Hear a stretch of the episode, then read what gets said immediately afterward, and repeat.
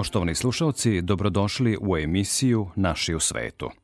U narednih pola sata o edukativnoj radionici za decu našeg porekla koja se za sledeću nedelju priprema u gradovima Norveške.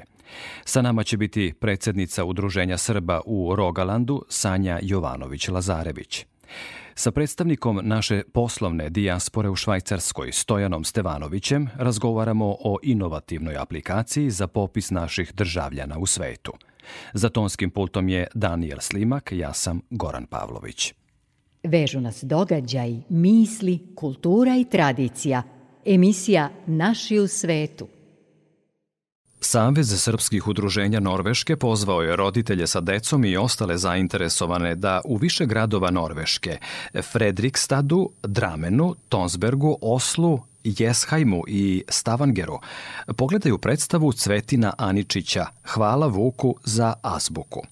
O tome koliki značaj ima ova predstava za decu i njihovu kulturu i njihovo sećanje na poreklo, razgovaram sa predsednicom Udruženja Srba Ivo Andriću u norveškom Rogalandu Sanjom Jovanović-Lazarević.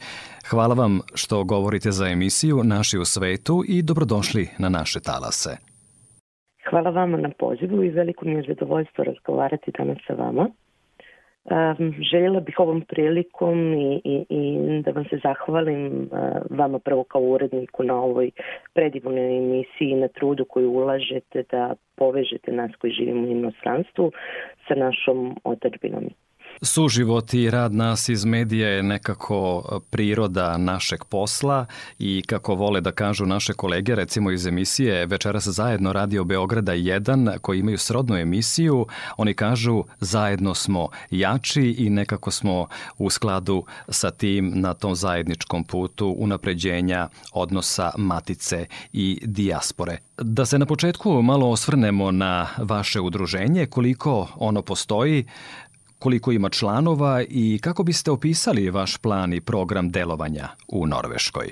Pa ovako, naše udruženje postoje od 2014. godine kada smo zbog poplava u Srbiji, Republici Srpskoj i svim našim jeli, zemljama, odakle dolazimo od ozdo, prosto se uključili spontano u akciju prikupljanja pomoći i tada smo shvatili da nam treba i neko ovako udruženje koje bi možda radilo ne samo na, na skupljenju humanitarne pomoći, ali i na drugim stvarima koje su interesantne za naše ljude u Rogalutu. Konkretno naše udruženje sad u ovom trenutku ima negdje oko 400 članova, a cilj nam je da sačuvamo srpsku kulturu, običaj i tradicije i usmjereni smo najviše prema djeci i onome što njih zanima. Takođe, nismo zapostavili ni nas odrasle kojim pružamo različite oblike kulturnih manifestacija, zabava i prosto obilježavanje naših praznika i ostalo.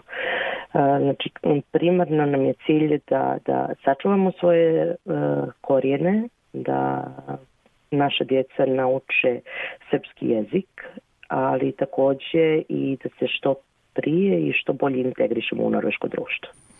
Sanja, vi ste drugi put izabrani da budete na čelu udruženja Ivo Andrić. Koji su bili argumenti sunarodnika u Norveškoj da vam ponovo ukažu poverenje? Svakako da imate određene informacije u tom smislu. I na šta vas drugi mandat i poverenje obavezuje u budućnosti u rukovođenju udruženjem?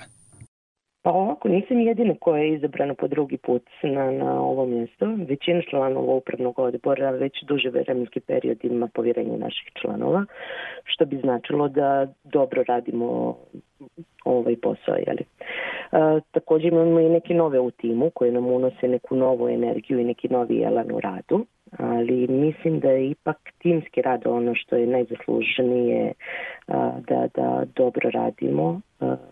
Mi se svi prilično dobro dopunjujemo jeli, i pomažemo jednim drugima. Naročito ako uzmemo u obzir da svi radimo volonterski i da nam treba pomoći jeli, jer ovaj rad kombinujemo sa drugim našim obavezama. Takođe, ja bih voljela napomenuti da upravni odbor nije jedini zaslužan za, za, za sav ovaj rad koji imamo u proteklih devet godina.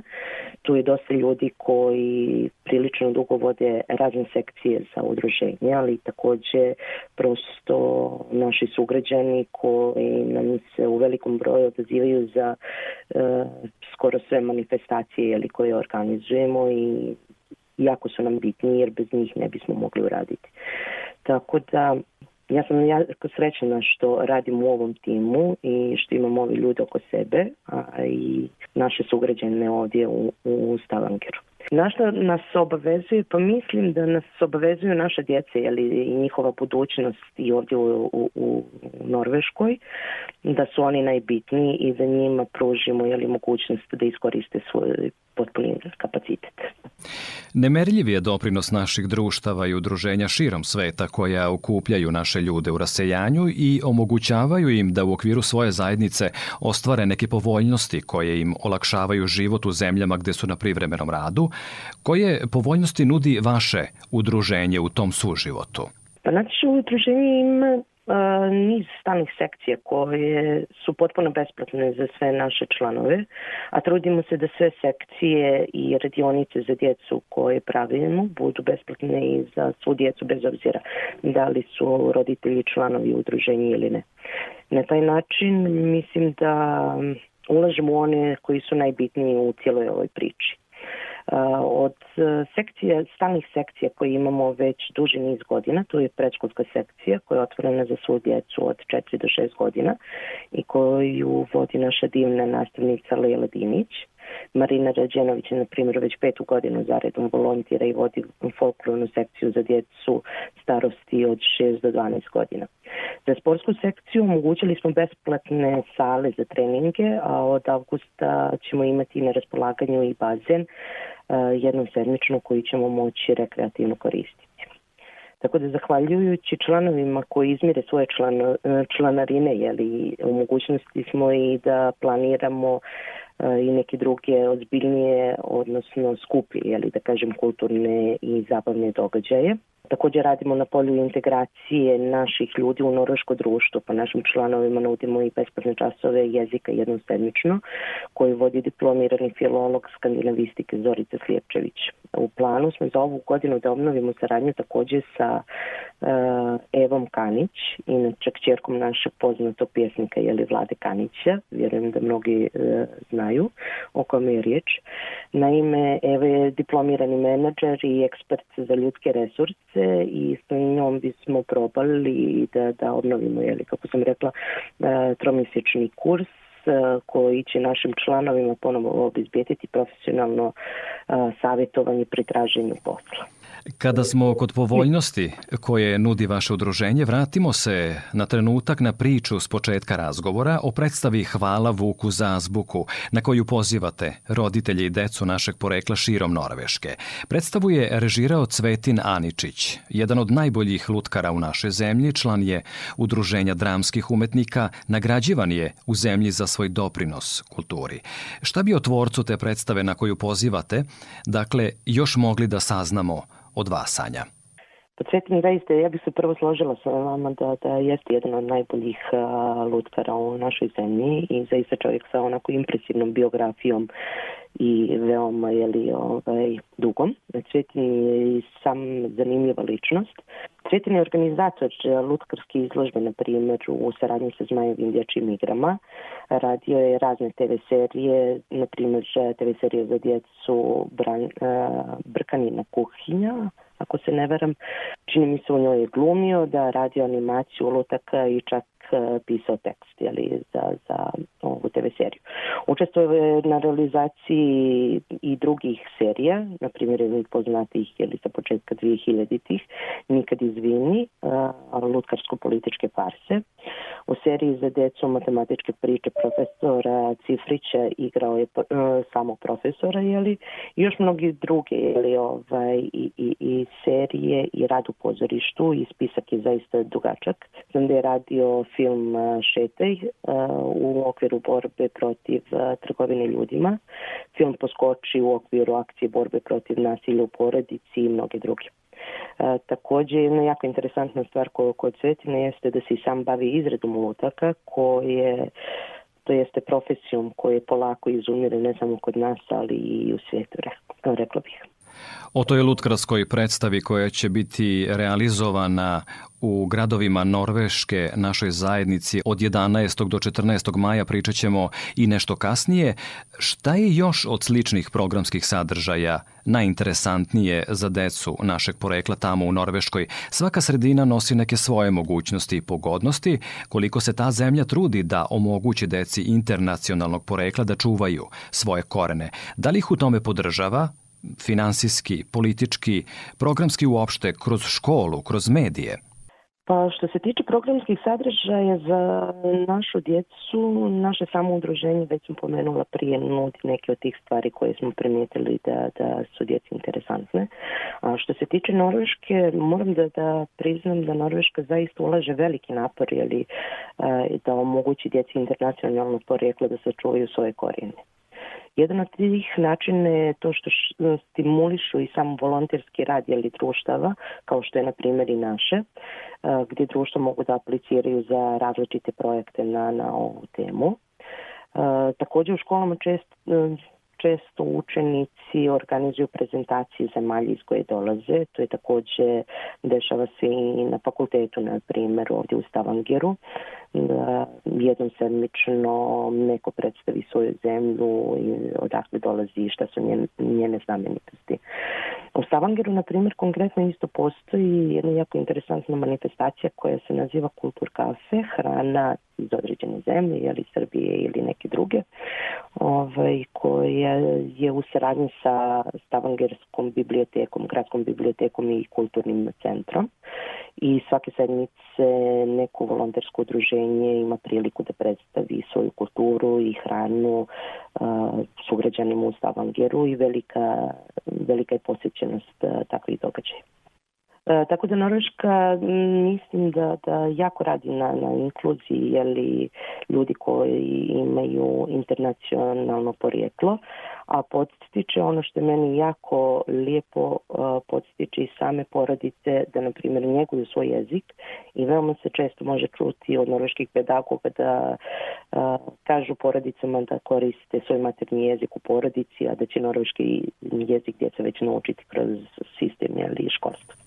Drago nam je i nama iz emisije Naši u svetu, a i su narodnicima ovde u Matici da možemo da čujemo tako hrabrujuće informacije iz Norveške i da je naša zajednica zaista tamo spokojna na privremenom radu u inostranstvu, s obzirom na to da, kako kažete, se norveško društvo i prema našoj zajednici i prema drugim zajednicama ophodi zaista civilizovano. Emisija Naši u svetu Sa nama je Sanja Jovanović-Lazarević, predsednica udruženja Ivo Andrić koje u norveškom Rogalandu okuplja ljude našeg porekla. Kako biste ocenili međusobnu povezanost naših društava u Norveškoj? Upravo je predstava na koju pozivate roditelje i decu tokom maja plod saradnje naših društava u tamošnjem savezu. Voleli bismo da čujemo sa kojim društvima u okviru saveza sarađujete, Sanja.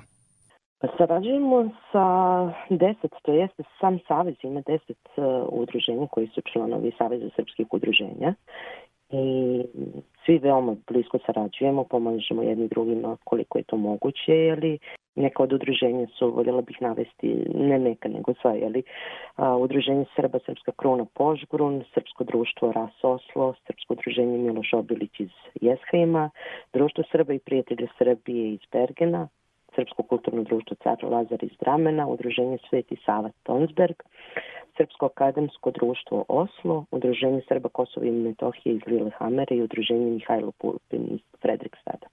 E, Sva ova udruženja veoma blisko sarađuju na tu raznim oblastima. Fantastične su stvari koje su uključuje zajednička gostovanja e, bitnih kulturnih događaja na teritoriji ali više gradova u Norveškoj. Tako je, na primjer, upravo ova ideja, kako ste rekli, koja je došla iz udruženja Ras iz Oslo i koju smo svi, ali koji smo bili u mogućnosti da, da je sprovedemo u dijelo, prihvatili sa velikim oduševljenjem. Koje sve manifestacije obeležavate sa našom zajednicom u Rogalandu i imate li podršku iz matične zemlje kako bi ti sadržaji bili što interesantniji i raznolikiji? Moram samo da napomenem, u Srbiji je u toku trodnevna žalost i razumemo da naša zajednica širom sveta neće imati predstave i druga okupljanja verujemo da se ta tri dana žalosti na svojevrstan način obeležavaju i u redovima naše zajednice širom sveta. No, kada dakle se sastanete, koje sve manifestacije obeležavate u Norveškoj? Kada ste pomenuli ovu temu, ja bih prvo željela da izrazim onda mm, duboko žaljenje i, i saučešće svim porodicama nastradale djece i mislim da nam svima treba biti velika opomena. Ova, izvini se da sam malo što se ove teme tiče prilično je li o, potresena jer sam i sama trebala da, da budem nastavnik srpskog jezika i imam prijatelje koji rade u školama i znam kolika je tragedija se desila. Tako da i svi kao društvo i u Srbiji, i mi ostali, mislim da zaista moramo da, da stavimo veliki svoj fokus na, na djecu i da nam to bude prioritet svima u životu, da se ovakve stvari ne bi ponovile. A sada što se tiče jeli, uh, stvari koje obilježavamo u Rogalandu, je li od 2015. mi tradicionalno obilježavamo Božićnu i Vaskršnju radionicu, koje su upravo i posvećene djeci. Ove radionice, na primjer, od 2019. godine radimo zajedno sa Savetom roditelja Srpske dopunske škole, jer od tada imamo zvaničnu Srpsku dopunsku školu, koja je do tada bila samo dio kao sekcija u okviru udruženja. E, takođe sporadično jeli, se okupljamo za neki drugi praznik. E, skoro smo imali, na primjer, okupljenje e, da obilježimo 1. Ma, 1. maj ali novu godine nekada organizujemo i tako dalje. Jeli. Kultur kafe, na primjer, koju sam pomenula malo prije, koji radimo zajedno sa Solberget bibliotekom i kulturnim centrom. Na njoj, na primjer, promovišemo srpsku hranu i kulturu i na takvim manifestacijama, na primjer, dolazi veliki broj stranaca. Tako da je to jako dobra prilika da, da pokažemo pozitivne strane naše kulture. Konkretno, još jedna od bitnih stvari koje svake godine obilježavamo jeste slava udruženja. Ove godine slavimo zajedno sa njom i devetogodišnjicu osnivanja. E, desit će se 11. juna i ćemo veliki broj gostiju e, fantastičnu saradnju imamo i sa našim ambasadorom ovdje u Norveškoj Draganom e, Petrovićem koji radi na jačanju i napređenju odnosa kako Norveške i Srbije, ali takođe ali i, i, i sa našim zajednicama i našim ljudima svim. Što se konkretno pomoći Srbije, na primjer, tiče, mi smo imali lijepu saradnju sa Ministarstvom spoljnih poslova u par navrata, e, pa smo preko konkursa koji su oni objavljivali dobijali sufinansiranje e, za projekat u kojem smo kupili preko 100 knjiga koje smo poklonili biblioteci u Stavangeru e, sa srpskim naslovima, jeli? Kao medijski poslanik zahvaljujem našoj zajednici u Norveškoj, vama lično i celoj našoj zajednici širom sveta što saosećaju sa nama u Matici u kojoj je troden, nažalost, zbog tragičnog događaja u Beogradskoj školi. Naša zajednica širom sveta poznata je po svom humanitarnom radu kad god se ukaže potreba da se pomogne ljudima u našoj dijaspori u inostranstvu ili našim ljudima u matičnoj zemlji. Verujem da se određenim akcijama solidarnosti sa ugroženima možete pohvaliti i vi u udruženju Ivo Andrić u Norveškoj. Naravno, mi u okviru našeg udruženja imamo i humanitarni fond koji radi upravo i na, na pitanju humanitarnih akcija. Na, na, na samom početku je ali osnivanja udruženja Ilandić upravo jeste sajela potreba za humanitarnim radom i da se pomogne ljudima koji su bili ugroženi u Srbiji svake godine, na primjer, organizujemo minimum dvije humanitarne akcije koje su usmjerene ka zemljama naše porijekla. Najčešće su Srbije i Republika Srpska, ali nisu isključene i okolne zemlje kao što su Hrvatska, Crna Gora i ostalo kada je to neophodno i, i kada, kada se desi neke stvari kao što, na primjer, pomogli smo uh, m, porodicama um, kada se desio zemljotres u, u Hrvatskoj. Konkretno ove godine za božićnu akciju pomoć je bila upućena a, mališanima jeli, u univerzitetskoj kliničkoj, a, kliničkom centru Kragujevac gdje smo kupili aparat za detektovanje vena.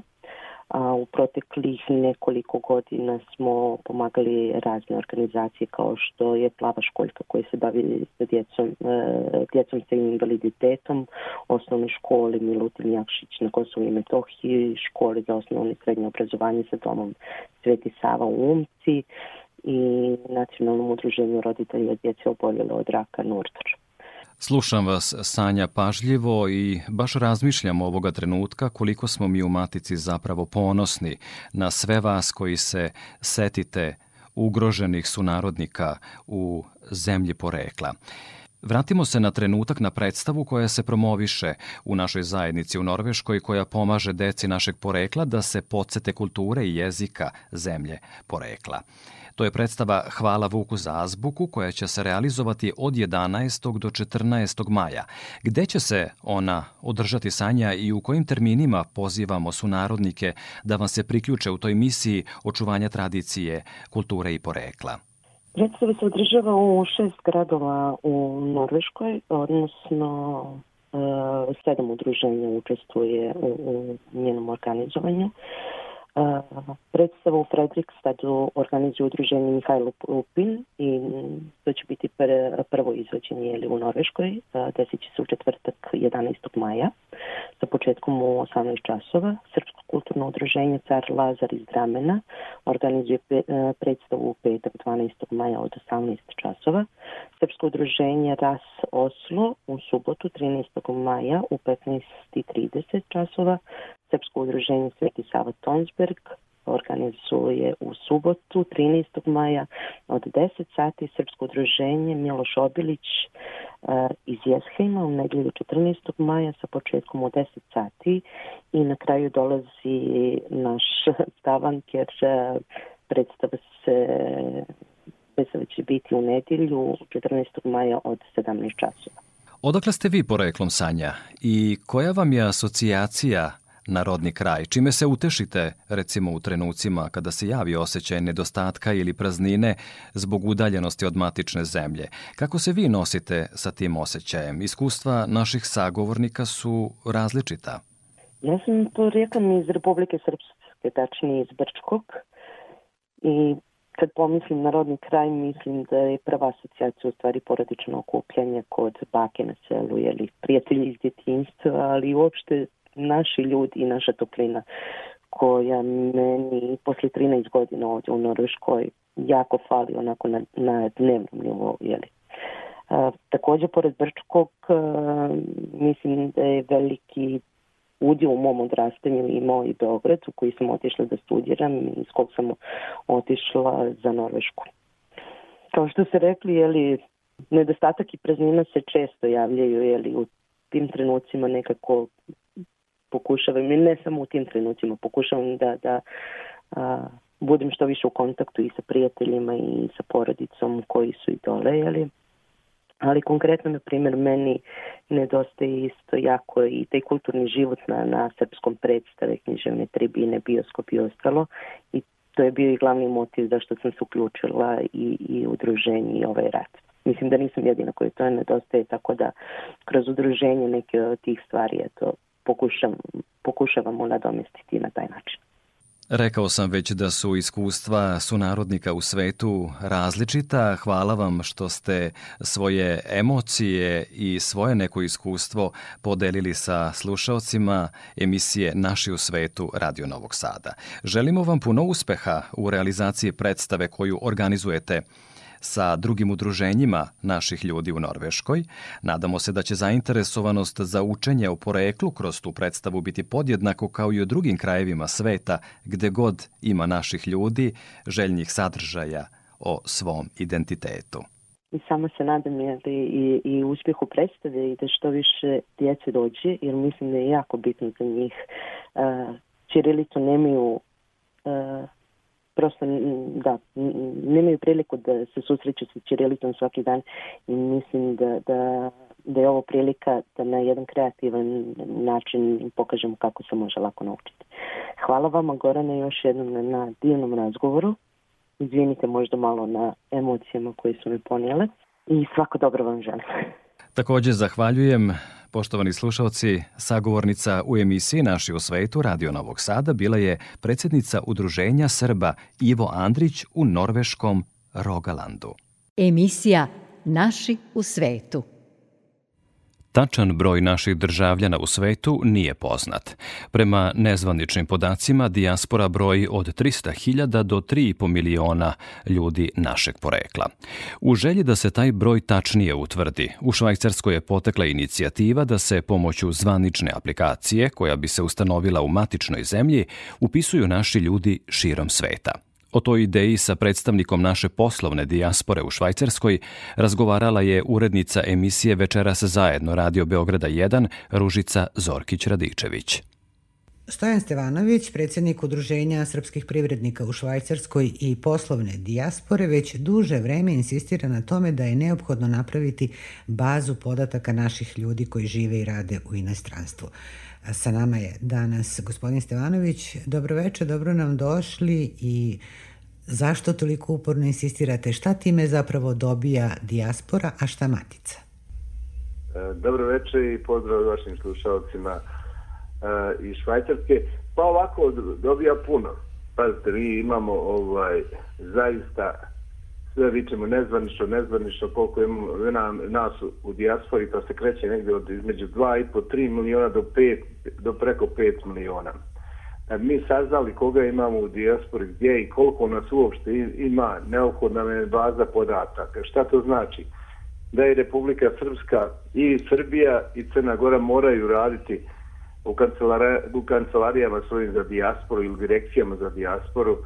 Ovo, evo sad imamo ministarstvo za dijasporu u, u, u Srbiji da moraju pothitno da uradi e, bazu podataka, odno jedan softver gde će se unositi svi ljudi iz, iz inostranstva. Naravno, to je veliki i ogroman posao i ubijeti ljude da se unesu u, u bazu podataka. Evo, evo E, federacija je to davno radila, još prije 15 godina federacija, kada kaže priča o federaciji, mislim na federaciju Bosne i Hercegovine, Ovaj, a evo prije mjesec dana iz Banja Luke direkcija za dijasporu ili kancelarija za dijasporu je uradila isto eh, jednu bazu podataka koju je nama poslala i gdje se može, gdje se može unositi sve ovaj, svi, svi podaci gdje koje državljanstvo imate, da li imate dvojno državljanstvo, da li imate ovaj, koji su edukacijima, da li ste fakultetsko obrazovani, jeste fakultet završili u, u, u matici ili u dijaspori. Bitno i veoma bitno, i samo da dovežem, ja to uvijek kažem, mi danas imamo jednu pametnu dijasporu, mi imamo edukovane ljude u dijaspori, Sa, samo jedna, jedna statistika, ne znam šta, naravno kaže se da imaju oko 2000 doktora u, u Švajcarskoj. Zamislite vi koje je to bogatstvo srpsko. Da, dobro ste rekli nezvanična statistika u razgovoru sa pomoćnicom direktora Republičkog zavoda za statistiku. Zapravo smo utvrdili da je statistički preko popisa zvanično, znači gotovo nemoguće utvrditi tačan broj naših ljudi u inostranstvu. Počevo od toga da ne žele svi da se popišu, preko toga da ne mogu da se popisuju svi oni koji imaju dvojno državljanstvo, odnosno su državljani neke druge zemlje. Ova aplikacija bi se, pretpostavljam ako sam dobro razumela, e, odnosila zapravo na dobrovoljno upisivanje, dobrovoljno prijavljivanje onih koji su u dijaspori. Koliko bi to moglo da donese tačnih podataka? Pa gledajte, tačno je da, da je ova, ova aplikacija odnosno na dobrovoljno prijavljivanje na nama je ovaj, e, na udruženjima, na DKP-ima, na, na, e, na svim samim nama Srbima ovaj, veliki cilj i zadatak da obavijestimo, da ubijedimo ostale ljude da, da se, pazite, e, postoji još, kako da kažem, malo balkanizama u našim glavama, zaista moram to da kažem, ovaj, naravno sad neće niko pogrešno shvatiti, koji kaže što ja, što ono, šta, šta hoće ono, hoće me čipu, hoće ovo, umjesto da, da kaže, čerka mi završila pravni fakultet, radi kao, kao advokat, što da nema za mnog čerku, ne znam, neko iz Srbije, Bosne i Hercegovine ili Crne Gore. Zaista e, e imamo, naravno, da, da se susrećemo sa, sa, sa tim e, e, neslaganje ljudi da se unesu u podatke. Evo, sa, samo vam kažem, za Švajcarsku nas ima oko 180.000 u Švajcarskoj Srba.